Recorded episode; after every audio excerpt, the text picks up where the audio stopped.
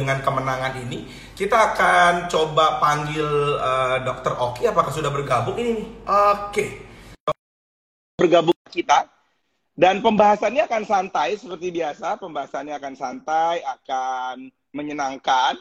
Oh, bagi ibu-ibu nih klien Ohana juga banyak yang uh, sudah sudah uh, melahirkan dan mau kurus kayak gimana nanti kita langsung tanya-tanya sama dokter Oki. Nah sekarang saya sudah tersambung nih sama sahabat saya dokter Oki. Hai dok.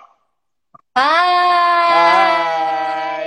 Tetap Minal cantik ya dokter ya. ya Minal Aidin, mohon maaf lahir batin kakak. Fitri bagi yang merayakan, oke? Okay? Oke okay, dok. Dokter lagi di mana nih sekarang Jakarta atau lagi di Surabaya biasanya? Lagi di Surabaya sayang, saya ke lockdown sebulan di Surabaya. Jadi belum bisa balik ke Jakarta ya dok ya? Belum bisa. Tetap stay home ya, uh, menuruti dan mentaati peraturan pemerintah.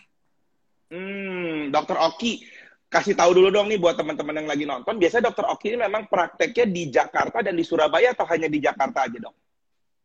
Uh, jadi praktek saya itu di Jakarta, tepatnya di The F Skin, yaitu di Tebet Raya nomor 44A. Uh, areanya di Jakarta Selatan untuk bagi apa para penonton live IG Ohana Enterprise. Kalau misalkan mau join atau mau konsultasi boleh uh, via Instagram, ada link di bio saya juga, ada WhatsApp juga. Uh, kemudian kalau misalkan di Surabaya itu saya by appointment aja sih kak gitu. Oke. Okay. Tapi lagi ke lockdown di Surabaya karena kemarin ada klien di Surabaya akhirnya belum bisa pulang ke Jakarta jadinya Betul gitu ya. Betul sekali kakak. iya. Dok, ini sebelum kita masuk ke tema kita stay health and glowing during a pandemic, saya mau tanya dulu nih dok, memang sejak kecil itu sudah punya cita-cita jadi dokter atau gimana Cita-cita dari kecil emang udah jadi pengen jadi dokter sih, Mas. Jadi uh, hmm. saya tuh pengennya memang jadi atau spesialis bedah plastik sih. Itu dulu ya. Tapi kan sekarang karena hmm. berhubung hmm. dengan perkembangan zaman, saya uh, masuknya ke estetik, jadinya dokter estetik gitu. Oke. Nah, sorry, sorry. Banyak pasti dari kita yang nggak tahu dokter estetik itu ngurusinnya apa aja sih, dok? Kalau dokter estetik itu dokter umum yang mengambil uh, apa namanya uh, mengambil kurs atau mengambil kursus lagi untuk kursus uh, kursusnya itu khusus untuk jurusan estetik atau kecantikan gitu kak. Jadi uh, lebih tepatnya sih ngurusinnya kayak botox, filler, terus kemudian ke arah uh, skincare gitu sih. Rata-rata seperti itu pasien-pasien saya begitu.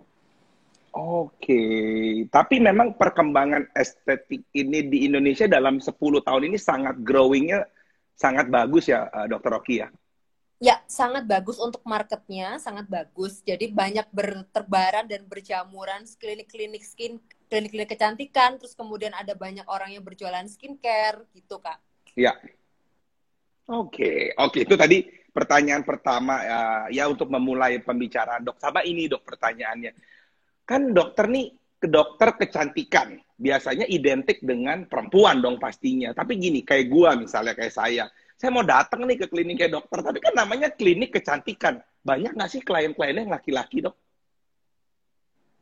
Jadi saya jawab ya sebenarnya. Jadi gini, mm -hmm. untuk laki-laki dan perempuan itu sebenarnya sama aja ya Mas ya. Uh, mau apa namanya, uh, mau perawatan apa pun itu tetap membutuhkan perawatan. Jadinya walaupun laki-laki ataupun perempuan itu tetap membutuhkan perawatan. Jadi kalau misalkan uh, ada laki-laki yang datang ke klinik saya pun saya juga akan menerima dengan tangan terbuka gitu. Jadi konsultasinya apa, terus kemudian uh, keluhannya apa, akan saya lakukan konsultasi lebih lanjut begitu. Oh, kalau misalkan okay. masih jangan malu-malu gitu. Jangan malu-malu ya kalau yang laki-laki juga ya ya dok ya. Iya kebanyakan juga pasien saya yang di Jakarta pun banyak yang laki-laki juga sih. Oke okay, oke. Okay. Nah gini dok kalau di Ohana kita kan pakai IG-nya Ohana nih dok banyak orang-orang yang akan menikah ya kan yang akan menikah Betul. dan dia mau perawatan nih dok. Biasanya kalau sebelum hmm. menikah itu perawatannya apa sih dok biasanya?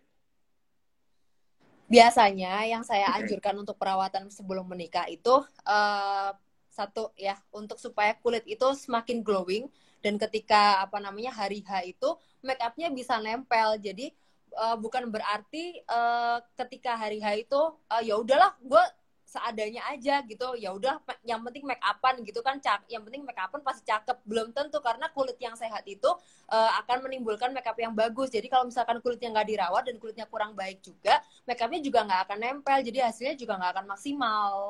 Hmm. Terus dok misalnya gini, maaf ya dok ya, saya bukan body shaming, tapi kalau misalnya wanitanya atau prianya agak uh, bobotnya agak besar, itu bisa juga dok dikonsultasikan dengan dokter Oki.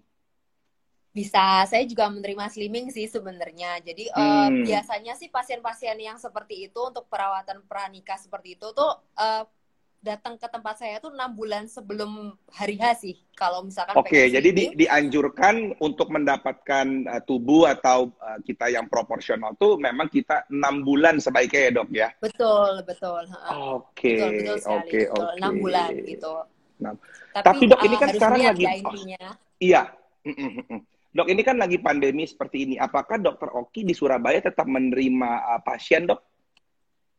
Kalau pandemi seperti ini saya nggak menerima sih kalau yang di Surabaya. Tapi sebelum mm -hmm. PSBB kemarin saya masih sempat menerima. Jadi saya ke lockdown di Surabaya. Di Jakarta pun saya juga tidak menerima gitu loh, Mas. Jadi memang saya mentaati peraturan pemerintah. Jadi memang tidak menerima pasien di klinik. Oke, wow. Nah, Dokter Oki ini kita masuk lagi mulai lebih dalam ya. Dok, ini kan banyak juga di uh, pengantin kita yang sudah selesai sudah selesai event, sudah selesai uh, wedding day, lalu mereka setelah itu punya anak. Ya kan ini ada beberapa klien kita nih yang udah udah punya anak join juga di sini. Nah mau tahu dok, kalau udah punya anak biasanya sulit banget untuk mengembalikan tubuh idealnya seperti awal. Nah itu gimana sih dok caranya? Jadi kalau misalkan untuk para ibu-ibu yang setelah melahirkan, saya sih biasanya setelah masa nifas 40 hari itu baru konsul ke saya. Biasanya saya atur pola makannya satu. Kemudian uh, yang kedua harus rutin olahraga. Kalau misalkan uh, tidak bisa berolahraga dengan teratur, minimal kardio 20 menit aja cukup di rumah gitu. Stretching atau 20 yeah. menit kardio udah sangat-sangat cukup sih di rumah. Oke. Mas, halo. Jadi, uh, ya halo. Lagi ya. aman kok saya, saya aman. Dokter ngelihat saya aman nggak? Saya ngelihat dokter sih aman oh, ya. ya aman ya. Oke oke oke. Oke oke. Aman siap. aman. Tapi nah, agak agak keputus-putus ya. Agak keputus. Biasa live memang suka begitu dok. oke, okay, dokter Oki. Sekarang kan lagi pandemi ini. Nah, gimana sih tips dokter Oki? Ini kan tetap cetar, tetap membahana, tetap cantik uh, dan tetap uh, proporsional juga. Bagaimana cara Dokter Oki menjaga kesehatan, bukan cuma kesehatan, tapi kecantikannya Dokter Oki secara pribadi? Jadi gini, kalau untuk dalam masa pandemi ini, bukan hanya dalam pandemi ini ya, tapi memang keseharian saya sih yeah. setiap hari, saya memang konsumsinya itu memang standar ya, minum vitamin C, terutama yeah. makan buah ya, sayur, Terus kemudian uh, apa namanya kebetulan saya memang suka uh, buah-buahan yang mengandung antioksidan. Contohnya kayak apel, anggur, terus habis itu ada buah pomegranate. Terus kemudian saya memang rutin olahraga kardio 20 menit aja sih. Kardio aja. Jadi kayak hmm. mungkin uh, saya sepeda statis atau saya mungkin stretching aja. Jadi 20 menit aja itu sudah sangat cukup membantu sebenarnya. Kemudian kalau untuk skincare pribadi sih saya biasanya kalau uh, malam saya pasti minum apa uh, ini minum vitamin juga terus kemudian uh, pakai serum untuk wajah gitu serumnya serum vitamin hmm. C biasanya. Oke, tapi dari tadi segi dari tadi dokter ngomong satu dari sisi perawatan tetap penting, tapi dari olahraga dan pola makan itu tetap penting juga ya dok ya. Tetap penting. Jadi kalau misalkan untuk pengaturan pola makan itu kalau pagi saya paling uh, satu satu sendok atau satu apa namanya uh, apa ya satu cup gitu loh. Biasanya saya minum virgin coconut oil. Ada kan extra virgin coconut oil yeah, saya minum yeah. satu pagi. Terus kemudian saya sarapan. Sarapannya paling cuman roti. Rotinya roti gandum. Terus kemudian siang siang baru saya makan berat. Makan berat itu apa? Nasi. Nasinya bisa diganti uh, kalau misalkan lagi di on diet bisa diganti dengan nasi merah. Bisa diganti juga dengan roti gandum. Bisa diganti juga dengan ketang gitu. Tetap ada sayurnya, tetap ada buahnya. Dan jangan lupa minum air putihnya satu setengah liter satu hari. Oke, sorry nih dok, saya. Malam, ya untuk malam. Kalau untuk malam saya pasti cuman uh, apel atau misalkan air putih aja sih buat supaya saya nggak lapar gitu sih. Oke, oke. Dok, ini pertanyaannya gini dok. Biasanya kalau orang udah biasanya dia ke dokter, saya sebutnya ya ini sebutan awam lah ya dokter. Oh ini dokter kurus nih, ah, biasanya kan gitu kan. Ke dokter kurus dia ya udah kan gue udah makan obat dokter, jadi gue bisa makan apa aja dong gitu. Nah itu sebenarnya pola-polanya bagaimana sih dok? Sebenarnya tuh pola pikir yang agak harus diluruskan sedikit ya. Jadi tetap walaupun kita apa namanya untuk konsumsi obat ataupun untuk sudah suntik slimming atau apa namanya infus slimming, saya tetap menyarankan pasien saya kurangi konsumsi karbohidrat. Terus kemudian perbanyak konsumsi sayur-sayuran, perbanyak konsumsi buah-buahan dan kemudian jangan lupa olahraga. Olahraga 20 menit sangat-sangat cukup sekali sih. Kalau untuk orang-orang yang sibuk oh. kayak Pak Peter seperti ini untuk kayak yang apa namanya uh, apa kru Ohana itu sudah hmm. sangat cukup sih Pak 20 menit aja cukup. Iya, iya, iya, iya, iya. Oke. Oke, Dok. Terus kalau tadi nih, Dok, uh, saya kan menampung banyak pertanyaan juga.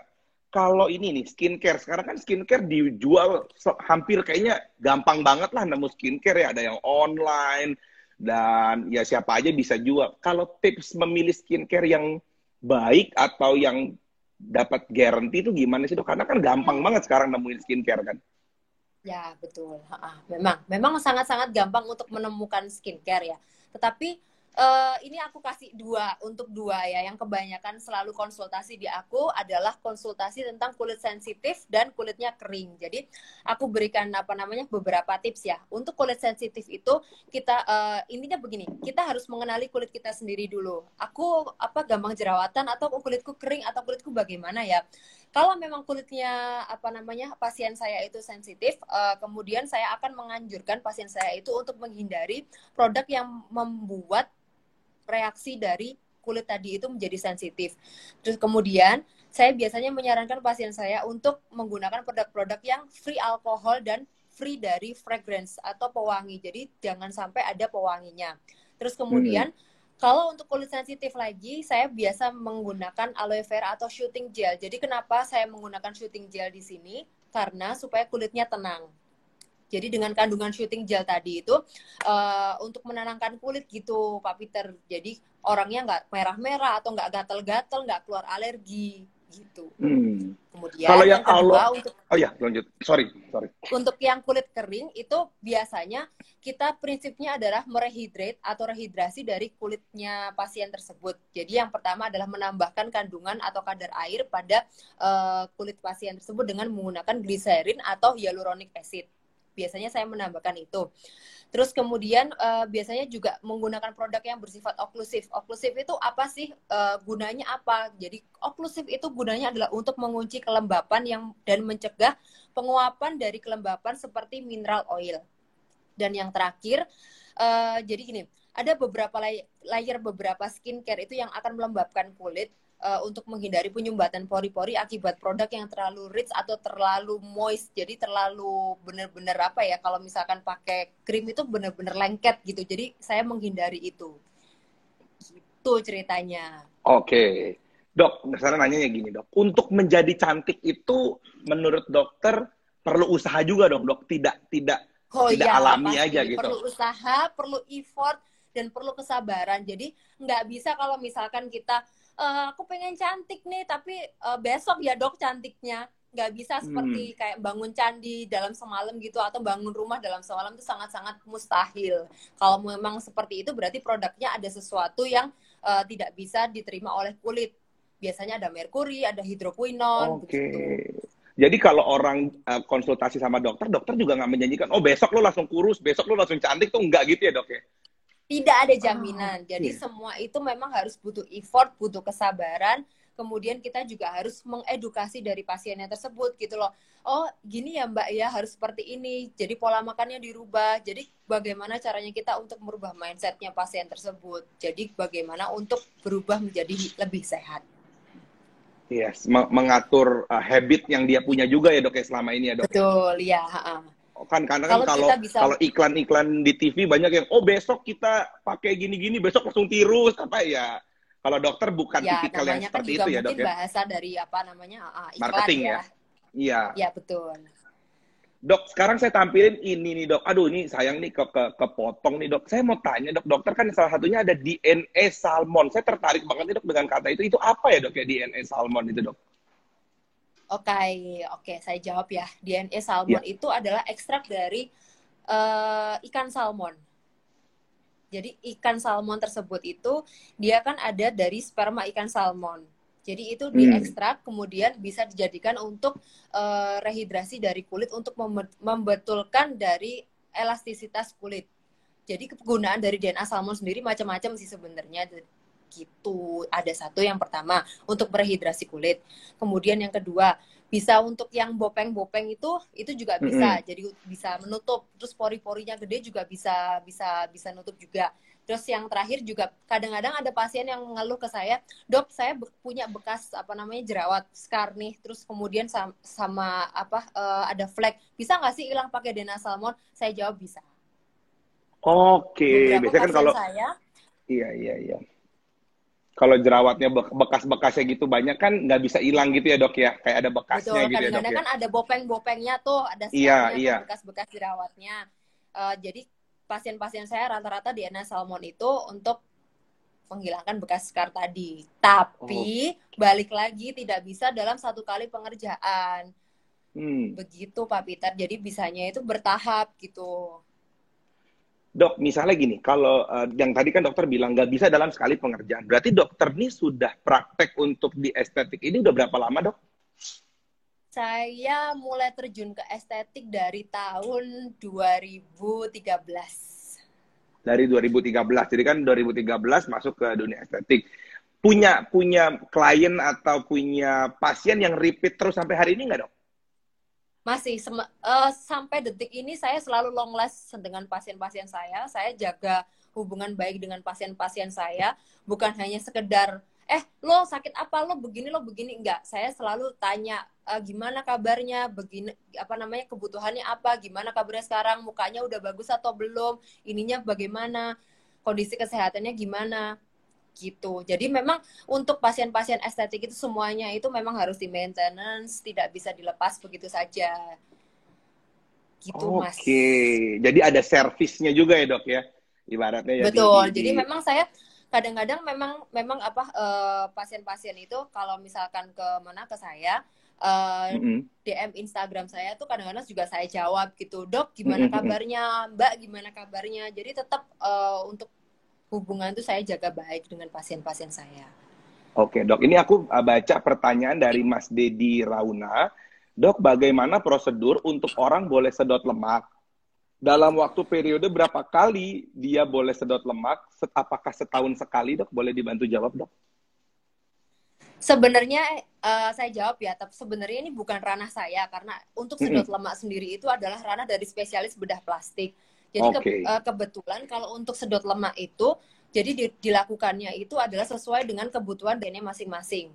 Kalau misalkan pasiennya uh, bisa bisanya cuma disedot beberapa liter, ya sudah beberapa liter itu saja. Tetapi untuk kebutuhan dan konsultasi lebih lanjutnya bisa dikonsultasikan ke spesialis bedah plastik karena itu adalah ranah dari spesialis bedah plastik. Ranah. Begitu. Oke. Betul. Oke. Dokter, dari tadi udah berat banget nih penjelasannya. Kita mau yang lebih ringan, lebih ringan, lebih ringan. Jadi kita coba relax dulu sedikit. Saya punya pertanyaan santai aja buat dokter. Ini dokter harus jawab dengan cepat, ya.